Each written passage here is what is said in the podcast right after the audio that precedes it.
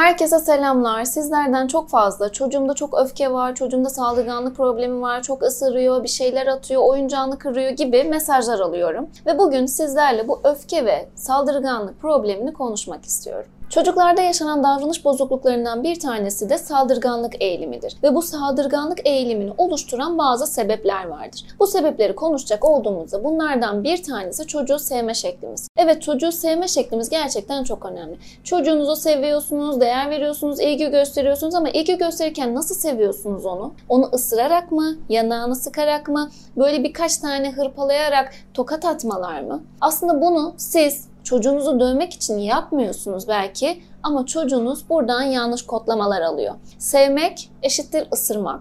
Sevmek eşittir hırpalamak, sıkmak, cimciklemek. Ve bir zaman sonra toplum tarafından veya sosyal hayatına çocuk çıktığında etiketlemelere maruz kalıyor. Bu çocuk saldırgan, bu çocuk öfkeli. Fakat biz sevme şeklimizi düzeltsek, onu sevgimizi dokunarak tensel temas noktasındaki o elimizin ayarını biraz tutturabilsek çocuk bu saldırganlık eğilimine yönelmeyecek. Çocuklarda saldırganlığı oluşturan bir diğer husus ise şiddet eğilimi. Bu illa çocuğa doğrudan bir şekilde uygulanması anlamına gelmiyor. Ya da illa anne baba arasındaki şiddetin yaşanması anlamına gelmiyor. Çocuğun sokakta görmüş olduğu kavgayı veya trafik esnasında görmüş olduğu kavgayı dolaylı yönden etkili etkilenip bunu yorumlayamamasıyla da bu öfke problemi haline getirebiliyor. Çocuklarımızda o öfkeyi barındıran bir diğer sebepse 3T problemi. Tablet, telefon, televizyon. Çocuklarda eğer çok fazla tablet, telefon, televizyona maruz kalma durumu söz konusuysa çocukların içerisinde bir öfke barınıyor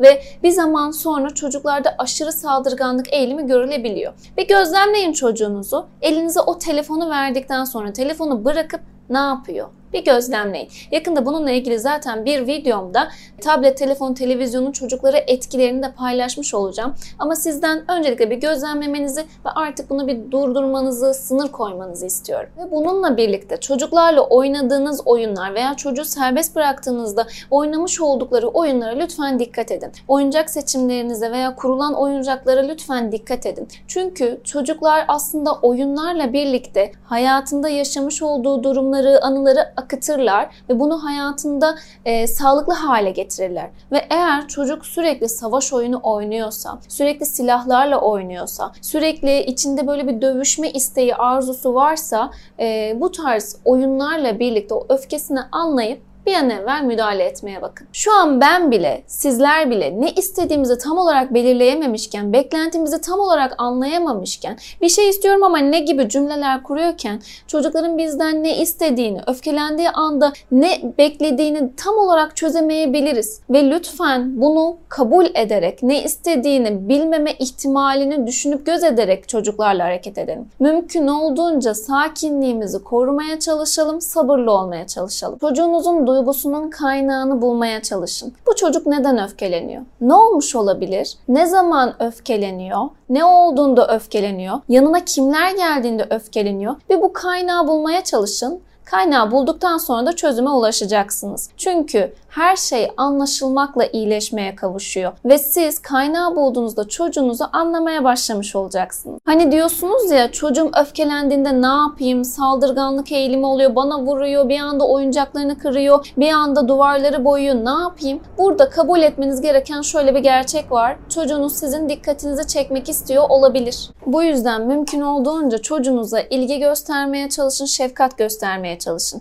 O dikkat çekmek için çaba göstermesin. Siz zaten onun odağında olun. Bunun için de yapmanız gereken şey tensel temasa dikkat etmek. Çocuğunuza bol bol sarılın. Sarılmak mutluluk hormonunu aktif hale getirir. Aynı zamanda çocuğunuzla birlikte tensel temasınızı geliştirmek için oyun oynarken elinden tutun veya tensel teması geliştirecek oyunlar oynayın. Ebelemeç gibi oyunlar. Bu sayede çocuğunuz size dair beklentisini karşılamış olup sizi kendisinde hissetmeye başlayacak. Bir öfke yaşasa bile kaynağındaki sıkıntıyı bulabilecek bir annesine, babasını görüp ona göre bir güvenle dolu bir hayatta yaşamış olacak. Çocuğumda öfke var ama ne yapacağımı bilmiyorum, nasıl oynatacağımı bilmiyorum diyorsanız eğer Hacı Yatmaz oyuncağı var. Hacı Yatmaz oyuncağını alabilirsiniz ya da evdeki bir yastığı duvara yaklaştırabilir, koltuğa yaklaştırabilirsiniz ve ona şunu söyleyin. Şu an içindeki bu öfkeni bu yastığa, bu Hacı Yatmaz'a akıt. Hadi hadi daha güçlü. Akıt. Öfken senden çıksın. Bunları tekrarlayın ve çocuk o öfkeyi yaşadığını hissetsin ki